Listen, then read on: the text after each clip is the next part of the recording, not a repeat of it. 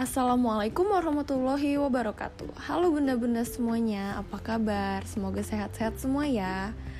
Jumpa lagi nih di podcast kanak minggu ini.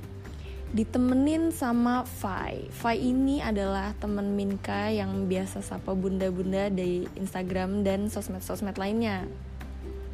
Nah, kalau minggu lalu kita sudah bahas entrepreneurship Kali ini kita bahas apa ya? Hmm, kali ini bahasannya akan jauh beda, tapi tenang, nggak akan kalah menarik. Buku yang akan kita bahas kali ini adalah Tampilkan dan Sembunyikan, judulnya itu. Penasaran dong, dari judulnya kira-kira apa sih isinya? Jadi, buku Tampilkan dan Sembunyikan ini isinya tentang aurat itu apa sih? Aurat itu perintah Allah ya? Bedanya aurat laki-laki dan perempuan apa ya? Gitu bunda-bunda. Nah buku ini itu menceritakan tentang dua anak kembar yang cerdas dan berprestasi. Mereka bernama Albi dan Bella. Nah mereka ini sedang belajar mengenal aurat karena kata mama baik anak laki-laki maupun anak perempuan harus menjaga aurat. Jadi mereka belajar dari kecil supaya nggak kaget nanti ketika udah besar bisa karena terbiasa kan. Nah, sebelum kita lanjut ke apa sih isi buku ini dan kita mulai baca beberapa babnya, kita kenalan dulu nih sama penulisnya. Penulisnya namanya Kak Wahyu Rahmawati. Kak Wahyu ini lahir di Temanggung, Jawa Tengah dan juga besar di sana. Sekarang tinggalnya di Jogja. Kak Wahyu ini bekerja sebagai seorang karyawati. Nah, dia juga suka dengan dunia-dunia tulisan anak. Nah, untuk yang penasaran, boleh um, cari aja nih Instagramnya Kak Wahyu di @ayuk ayuk underscore ku atau di Facebooknya Wahyu Rahmawati atau di Twitter juga ada nih @wahyu underscore Rahmawati. Tahu kalau pengen cari-cari lagi nih Kak Wahyu nih sering nulis apa sih? Bisa buka di blognya www.ngemilkata.com Wah, kayaknya jago nulis banget nih ya Kak Wahyu. Udah deh, kita penasaran kita langsung aja buka ya. Yang pertama, kita mau bahas di bab 3 nih. Nah, Fai akan bacain isinya um, terus nanti kita lihat apa sih yang bisa kita ambil dari bab 3 ini. Cuma cabut rumput di depan rumah kok pakai hijab mah? Tanya Bella. Nanti kalau ada tukang bakso lewat, terus lihat rambut mama gimana? Sahut mama. Tinggal panggil aja, bang, bakso tiga mangkok, teriak Albi. Mama tertawa geli. Ih, Albi, kalau ngomong makanan aja cepet nyambungnya. Emang kenapa kalau mamang bakso lewat? Tanya Bella dengan penasaran. Kalau mamang siomay boleh kan mah? Cetus Albi, penggemar siomay. Mama tersenyum sambil geleng-geleng kepala. Bukan masalah bakso atau siomaynya. Ini tentang ajaran Islam, nak. Untuk menutup aurat, jelas mama. Aurat? Tanya Albi dan Bella hampir bersamaan. Mama menjelaskan dengan sabar. Aurat itu bagian tubuh yang harus disembunyikan ditutup dan tidak boleh kelihatan. Rambut mama termasuk aurat. Itu perintah Allah ya, mah? Tanya Albi.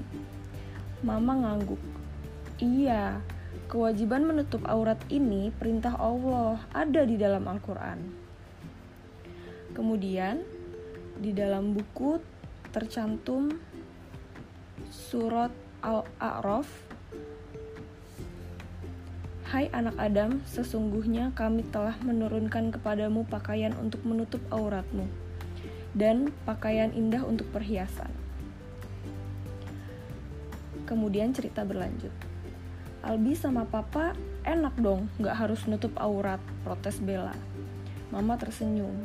Laki-laki memang tidak diwajibkan pakai hijab, tapi laki-laki juga punya batasan aurat loh aurat laki-laki itu adalah bagian tubuh antara pusar dan lutut. Sedangkan aurat perempuan adalah seluruh tubuh kecuali wajah dan telapak tangan. Kalau yang nggak punya hijab gimana dong? Kasian dong, Ma, celetuk Bella. Ya, harus berusaha supaya punya atau saudaranya yang mampu meminjamkan hijabnya, jawab Mama. Kemudian di dalam buku ada hadis riwayat Muslim. Kami para perempuan diperintahkan oleh Rasulullah untuk keluar pada saat Idul Fitri dan Idul Adha, baik para gadis, perempuan yang sedang haid, maupun gadis-gadis pingitan. Perempuan yang sedang haid diperintahkan meninggalkan sholat serta menyaksikan kebaikan dan dakwah atau syiar kaum muslim. Aku bertanya, Ya Rasulullah, salah seorang di antara kami ada yang tidak memiliki jilbab. Rasulullah Shallallahu Alaihi Wasallam bersabda, hendaklah saudaranya meminjamkan jilbabnya. Kemudian cerita berlanjut. So bakso, teriak penjaga bakso keliling. Taman sudah rapi, sepeda sudah bersih. Sebagai hadiahnya, Mama mau traktir bakso, kata Mama. Mau, mau, mau, jawab Albi dan Bella bersemangat. Bella nggak pakai hijab, aku saja yang panggilin, kata Albi. Terima kasih anak soleh, kata Mama saat Albi berlari keluar. Nah, jadi di dalam bab 3 ini, dengan judul Kamus Aurat dari Mama, Buku ini membahas bahwa aurat itu berasal dari bahasa Arab yang artinya aurah, yang berarti aib, malu, atau buruk. Aurat adalah bagian dari tubuh manusia yang diharamkan untuk dipandang dan dipegang oleh orang-orang yang tidak berhak. Batas aurat laki-laki itu adalah bagian tubuh antara pusar dan lutut. Batas aurat perempuan adalah seluruh tubuh kecuali wajah dan telapak tangan. Hendaknya membantu orang lain untuk menutup aurat, yaitu dengan cara memberikan atau meminjamkan jilbab atau hijab kepada yang tidak punya. Masya Allah, bermanfaat sekali ya bunda-bunda. Isi ini baru di pertama loh, baru bab 3. Penasaran dong pasti bunda-bunda, boleh kita lanjut. Ini di bab 4 ada judulnya Princess Solehah. Hari istimewa telah tiba. Albi dan Bella bersemangat mengikuti acara akad nikah dan walimah Tante Dona, adik bungsu Mama. Pasti Tante Dona cantik sekali, pakai gaun princess-princess gitu, kata Bella saat perjalanan menuju gedung, tempat acara berlangsung. Terus pakai mahkota, naik kereta kuda, canda Albi. Mama dan Papa tertawa geli mendengarnya. Acara dimulai satu jam lagi, baru keluarga besar yang tiba di lokasi. Dengan ceria, Bella dan Albi memasuki ruang rias pengantin. Wow, ini namanya Princess Solihah, teriak Bella. Takjub saat melihat tampilan Tante Dona yang cantik dengan gaun dan hijab lebar menutupi dadanya. Please deh Bel, celetuk Albi melihat kehebohan saudara kembarnya. Seisi ruangan tertawa mendengarnya. Tante bikin sendiri gaunnya, tanya Bella penasaran. Ada yang pengen tuh, ledek Albi. Tante Dona tersenyum, bahagia melihat keponakan kembarnya sudah datang di hari bahagianya. Ini dijahitin, tapi desainnya tante yang bikin. Keren, Bella juga bisa kok desain sendiri, kan Bella pinter gambar. Nanti tinggal Bella pilih kain yang tidak tipis, tidak menerawang, yang nyaman dipakai, terus datang ke penjahit deh sambil bawa gambar Bella, kata Tante Dona. Bella masih memandangi tantenya dari atas hingga bawah. Hijab lebarnya tampak cantik dengan hiasan mahkota. Hijabnya terurai panjang menutupi dada tanpa lilitan di leher tanpa sanggul tinggi di rambutnya. Pakaiannya cantik, longgar, tidak ketat, dan tidak menyerupai pakaian laki-laki. Tante Dona tampak anggun sekali. Hiasan renda di pergelangan tangan Tante Dona juga sangat cantik, melingkar dengan pas sehingga bagian tangan tidak terbuka saat digerakkan ke atas. Kaki-kakinya tertutup kaos kaki. Hei, bengong, Teriak Albi membuyarkan konsentrasi Bella yang sibuk mengamati penampilan cantik Tante Dona. Ayo foto bareng, ajak Tante Dona. Albi dan Bella mendekat. Bella memamerkan senyum terbaiknya sambil berbisik ke telinga Tante Dona. princess berhijab itu princess tercantik yang pernah Bella lihat. Nah, setelah itu di dalam buku ini bab 4 ini ditutup dengan catatan anak muslim lagi yaitu panduan menutup aurat bagi perempuan. Yang pertama, batas aurat adalah seluruh tubuh kecuali muka dan telapak tangan seperti yang sudah dibahas di bab 3 sebelumnya. Yang kedua, batas aurat adalah seluruh tubuh kecuali muka dan telapak tangan. Sama nih, udah dibahas juga. Hijab sebaiknya lebar menutup dada, tidak dililit dan tidak menggunakan sanggul tinggi yang menyerupai punuk unta. Wah, tuh kita belum tahu kan bunda? Lalu yang keempat ada pakaian longgar tidak transparan Lalu bagian pergelangan tangan sebaiknya tidak longgar supaya tidak terlihat ketika tangan diangkat. Yang keenam, memakai kaos kaki. Yang ketujuh, tidak menyerupai pakaian laki-laki. Wah, keren banget ini bukunya isinya ya nggak sih? Ya ampun. Fai aja nih bacanya sampai Masya Allah anak kecil bisa pinter gitu ya pengen ngeliat tantenya dibilang princess solihah gitu kan Masya Allah Oke, nah bunda-bunda masih penasaran gak nih? Kalau masih penasaran, Fai tambahin deh. Nih kita lanjut ke bab 6. Bab yang ke-6 ini judulnya Siapa yang boleh melihat? Wah, nih kalau dari judulnya kita udah bisa menerka-nerka nih. Kira-kira apa sih isinya? Hmm, Mama kok seharian di rumah nggak lepas hijab? Tanya Bella saat membantu Mama mencuci piring di dapur. Kan lagi ada tamu sayang, jawab Mama.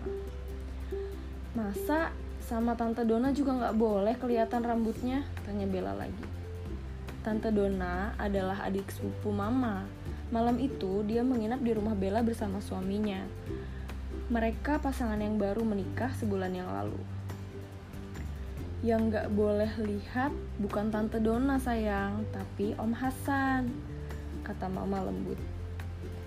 Kaki Bella mengikuti langkah mama yang membawa tumpukan piring bersih. Om Hasan, Om Hasan itu kan saudara kita juga, protes Bella. Sekarang Om Hasan memang jadi saudara kita, tapi Om Hasan sama Mama bukan mahram. Jadi tetap harus berhijab di depan dia, jelas Mama. Mahram, Bella masih belum paham dengan penjelasan Mama. Sini sayang, mama mengajak Bella duduk. Yang namanya mahram itu adalah orang yang boleh memandang sebagian aurat kita, seperti kepala, rambut, tangan, dan kaki. Sama mahram, kita juga boleh berduaan, boleh bepergian bareng, jelas mama. Kening Bella berkerut. Tunggu, mama ambil Quran dulu ya, kata mama. Nah, ini dia surah An-Nur. Bella mendekat, matanya mengikuti gerakan jari mama. Kemudian di dalam buku tercantum surah An-Nur ayat 31. Kemudian cerita berlanjut. Surah ini menjelaskan tentang siapa saja yang termasuk mahram. Penjelasan lainnya ada di surah An-Nisa ayat 23, kata mama.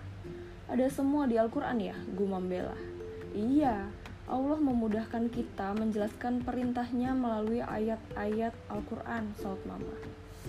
Tapi panjang banget mah, Bella kan gak hafal, harus dihafalin kan biar kita gak salah mana yang boleh lihat, mana yang enggak. Kemudian di dalam buku tercantum surah An-Nisa ayat 23. Lalu cerita berlanjut. Mama kembali tersenyum. Kali ini, Mama mengambil selembar kertas dan spidol warna di atas lemari. Mama buatin gambar yang mudah ya, perhatikan warnanya. Nah, ini yang warna hijau, mahrom karena keturunan. Yang warna kuning, mahrom karena pernikahan. Yang merah, bukan mahrom, artinya nggak boleh buka hijab di depan mereka. Ini mama yang di tengah-tengah, kata mama sambil menunjuk kata saya. Bella mengangguk-angguk. Ini Tante Dona, adik mama. Mama menunjuk tulisan saudara.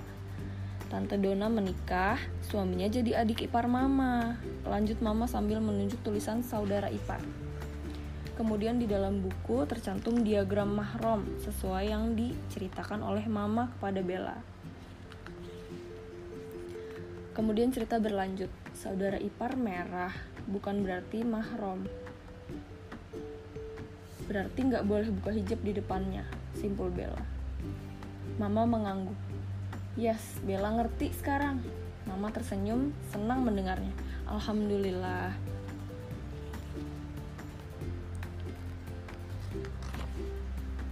Kemudian, catatan anak muslim. Mahram adalah semua orang yang haram untuk dinikahi selamanya karena sebab keturunan, persusuan, dan pernikahan dalam syariat Islam. Kata mahram atau mahramun artinya orang-orang yang merupakan lawan jenis kita. Namun haram, tidak boleh kita nikahi sementara atau selamanya. Tapi kita boleh bepergian dengannya, boleh berboncengan dengannya, boleh melihat wajahnya, boleh berjabat tangan, dan sebagainya. Mahram berbeda dengan muhrim. Kata muhrim memiliki arti yang lain. Dalam bahasa Arab, kata muhrim artinya orang yang berirham dalam ibadah haji sebelum bertahalul. Mahram terbagi menjadi dua macam, yaitu mahram muabat adalah golongan mahram yang tidak boleh dinikahi selamanya karena keturunan, pernikahan, dan sepersusuan. Dan ada juga mahram muakot, adalah golongan mahram yang tidak boleh dinikahi pada kondisi tertentu saja dan jika kondisi ini hilang, maka menjadi halal. Contoh dari mahram muakot antara lain adalah kakak atau adik ipar, bibi dari jalur ayah atau ibu, dari istri, perempuan musyrik sampai ia masuk Islam. Lalu ada mahram karena keturunan, yaitu ibu, nenek, dan seterusnya ke atas, baik jalur laki-laki maupun perempuan. Lalu ada anak perempuan, cucu perempuan, dan seterusnya ke bawah, baik dari jalur laki-laki maupun perempuan. Saudara perempuan, kakak atau adik kandung, seayah atau seibu. Saudara perempuan bapak atau bibi. Saudara perempuan kakek dan nenek dari pihak ayah, dan seterusnya. Saudara perempuan ibu, saudara perempuan kakek dan nenek dari pihak ibu, dan seterusnya putri saudara perempuan atau keponakan sekandung seayah atau seibu cucu perempuannya dan seterusnya ke bawah baik dari jalur laki-laki maupun perempuan. Putri saudara laki-laki atau keponakan sekandung seayah atau seibu cucu perempuannya dan seterusnya ke bawah baik dari jalur laki-laki maupun perempuan. Sedangkan mahram karena pernikahan istri bapak atau ibu tiri istri kakek dan seterusnya ke atas istri anak atau menantu, istri cucu dan seterusnya ke bawah, ibu mertua, ibunya nenek, dan seterusnya ke atas, anak perempuan istri dari suami lain atau anak tiri, dan cucu perempuan. Mahrum karena pernikahan ada perempuan yang menyusui dan ibunya, anak perempuan dari perempuan yang menyusui, saudara persepupuan, saudara perempuan dari perempuan yang menyusui atau bibi persusuan, anak perempuan dari anak perempuan dari perempuan yang menyusui atau anak dari saudara persusuan, ibu dari suami dari perempuan yang menyusui, saudara perempuan dari suami dari perempuan yang menyusui, anak perempuan dari anak laki-laki dari perempuan yang menyusui atau anak dari saudara persusuan, anak perempuan dari suami dari perempuan yang menyusui, istri dari suami perempuan yang menyusui. Wah, masya Allah nih di bab ke-6 ini kita belajar banyak banget ya bunda. Belajar banyak tentang silsilah, tentang siapa itu yang mahrom, apa itu muhrim. Dan ya pokoknya insya Allah ini bermanfaat. Nah kemudian kita lanjut nih ya bun. Ada catatan anak muslim dari bab 7 Bab ketujuh itu judulnya Bajuku Dulu Tak Begini. Wah, kalau Bunda penasaran harus buru-buru deh nih dicari bukunya ya. Nah, catatan anak muslim dari bab 7 ini Isinya adalah siapkan sapu tangan atau tisu saat berada di udara panas karena akan membantumu saat berkeringat. Jaga kebersihan, jangan sampai menggunakan baju atau hijab untuk mengusap keringat. Pakailah baju yang sopan, bersih, tidak bau, dan nyaman dipakai. Jangan sampai pakaianmu mengganggu aktivitasmu. Anak-anak memang belum wajib menutup aurat, tetapi tidak ada salahnya belajar menutup aurat dari kecil agar terbiasa. Wah, setuju banget nih. Aku sih setuju banget. Aku sih yes. nah, kita lanjut nih ya, bun, bunda-bunda pada mau request nggak? Um, eh, nggak bisa request ya ini podcast. Kita lanjut deh. Ya udah, Fai aja yang milih ya. Fai mau pilih bab 12 ah. Nih, bab 12 judul dari bab 12 ini persis sama judul bukunya nih. Tampilkan, sembunyikan. Yuk, Fai bacain ya. Murid-murid kelas 2 berkumpul di depan kelas. Mereka sedang membicarakan peraturan peserta lomba pekan Muharram yang diadakan sekolah. Jadi, satu peserta lomba gak bisa merangkap ikut lomba lain ya? Tanya Bono kepada Albi. Iya, Ternyata begitu peraturannya, jawab Albi. Jadi gimana dong? Bella nggak boleh ikutan lomba puisi sama dongeng, harus pilih salah satu. Timpal Eca. Kemarin mereka telah sepakat menentukan wakil kelas untuk mengikuti lomba melukis mewarnai dai cilik baca puisi dan lomba dongeng. Bella ditunjuk untuk mengikuti lomba dongeng dan lomba baca puisi. Panitianya siapa sih, Bi? Tanya Bono. Albi hanya mengangkat bahu. Emang jadwal lombanya barengan ya? Tanya Bono lagi. Bono nih, bukannya bantuin mikir, malah nanya melulu, kata Nino di belakang Bono. Memangnya nggak boleh, balas Bono dengan nada tinggi. Sudah, sudah, lerai Cita dengan suara lembut. Teman-teman pernah dengar cerita Rasulullah dan Aisyah? Aisyah itu istri Rasulullah yang dijuluki Humairah karena warna kulitnya yang kemerah-merahan. Rasulullah juga memberi gelar muwafokah kepada Aisyah yang berarti cerdik dan mencerdikkan orang lain. Gelar ini diberikan karena sifat Aisyah yang rajin bertanya, suka bertanya termasuk sifat yang baik dan terpuji. Makanya, kalau ada teman yang nanya, harusnya kita dukung karena rasa ingin tahunya tinggi. Bukan berarti mereka nggak ngerti, tapi itu tanda anak kritis. Terang cita. Aha, ketemu solusinya, seru Bella, mengagetkan teman-temannya. Kenapa nggak cita aja yang ikutan lomba dongeng? Bella yang baca puisi, barusan bagus tuh pas cita ngomong, lanjut Bella. Iya iya iya Cita aja. Cita yang terkenal pendiam dan pemalu langsung menggeleng. Jangan, jangan aku, yang lain aja. Ayo Cita, kamu berbakat Dukung Albi.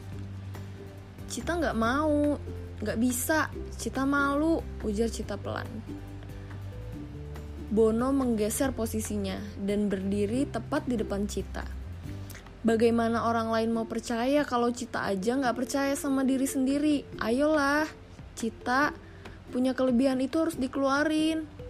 Biar orang lain tahu, biar manfaat buat orang lain, kata Bono menyemangati. Cita masih ragu.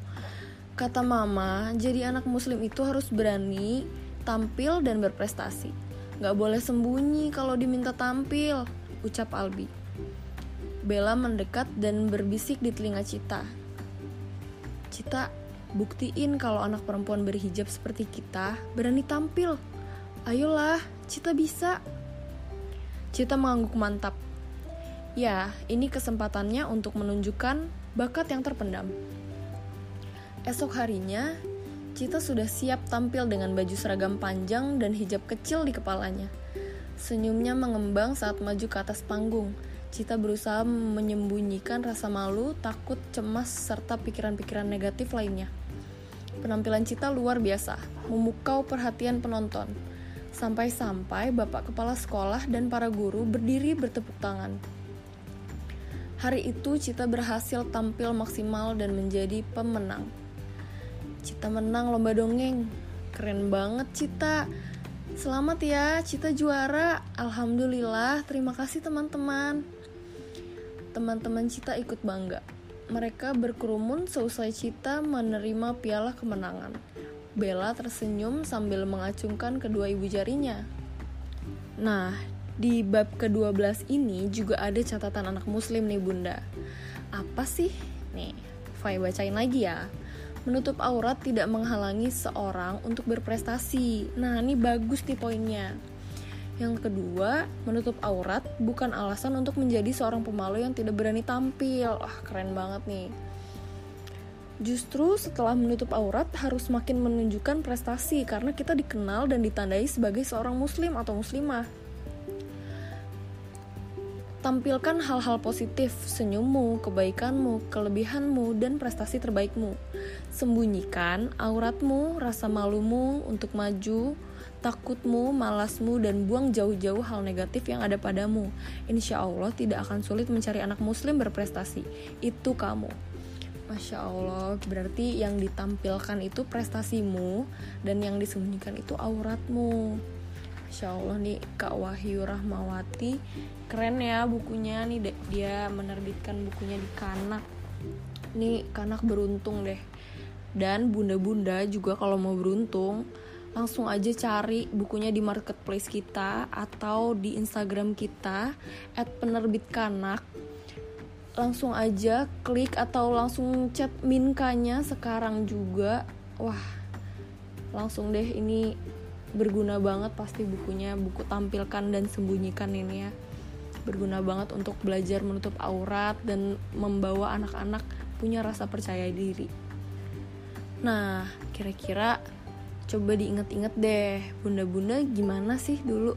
Kalau atau sekarang-sekarang nih atau nanti deh kalau bunda-bunda pengen ajarin ke anak-anaknya gimana sih cara tutup aurat? Apa sih yang harus ditutup? Kenapa sih aku harus tutup aurat mah? Nah kira-kira bunda udah siap belum? Jawab pertanyaan-pertanyaan itu. Masya Allah kalau punya anak yang banyak bertanya tuh rasanya seneng gitu ya bunda.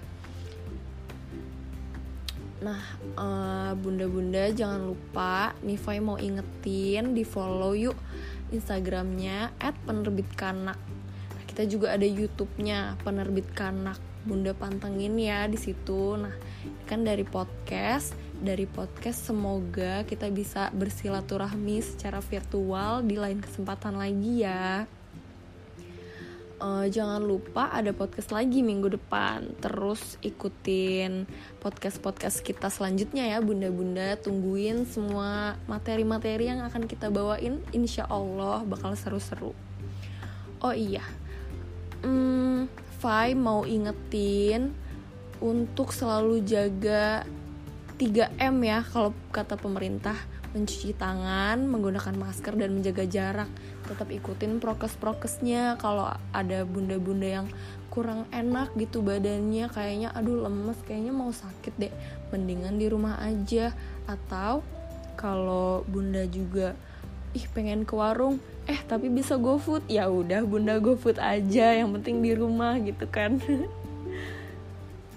ya udah kalau gitu Fai mau pamit dulu ya pamit undur diri semoga hmm, kali ini podcastnya menyenangkan bisa membawa senyum karena senyum adalah ibadah amin Assalamualaikum warahmatullahi wabarakatuh. Selalu sehat semuanya dan jaga prokes terus ya. Dadah.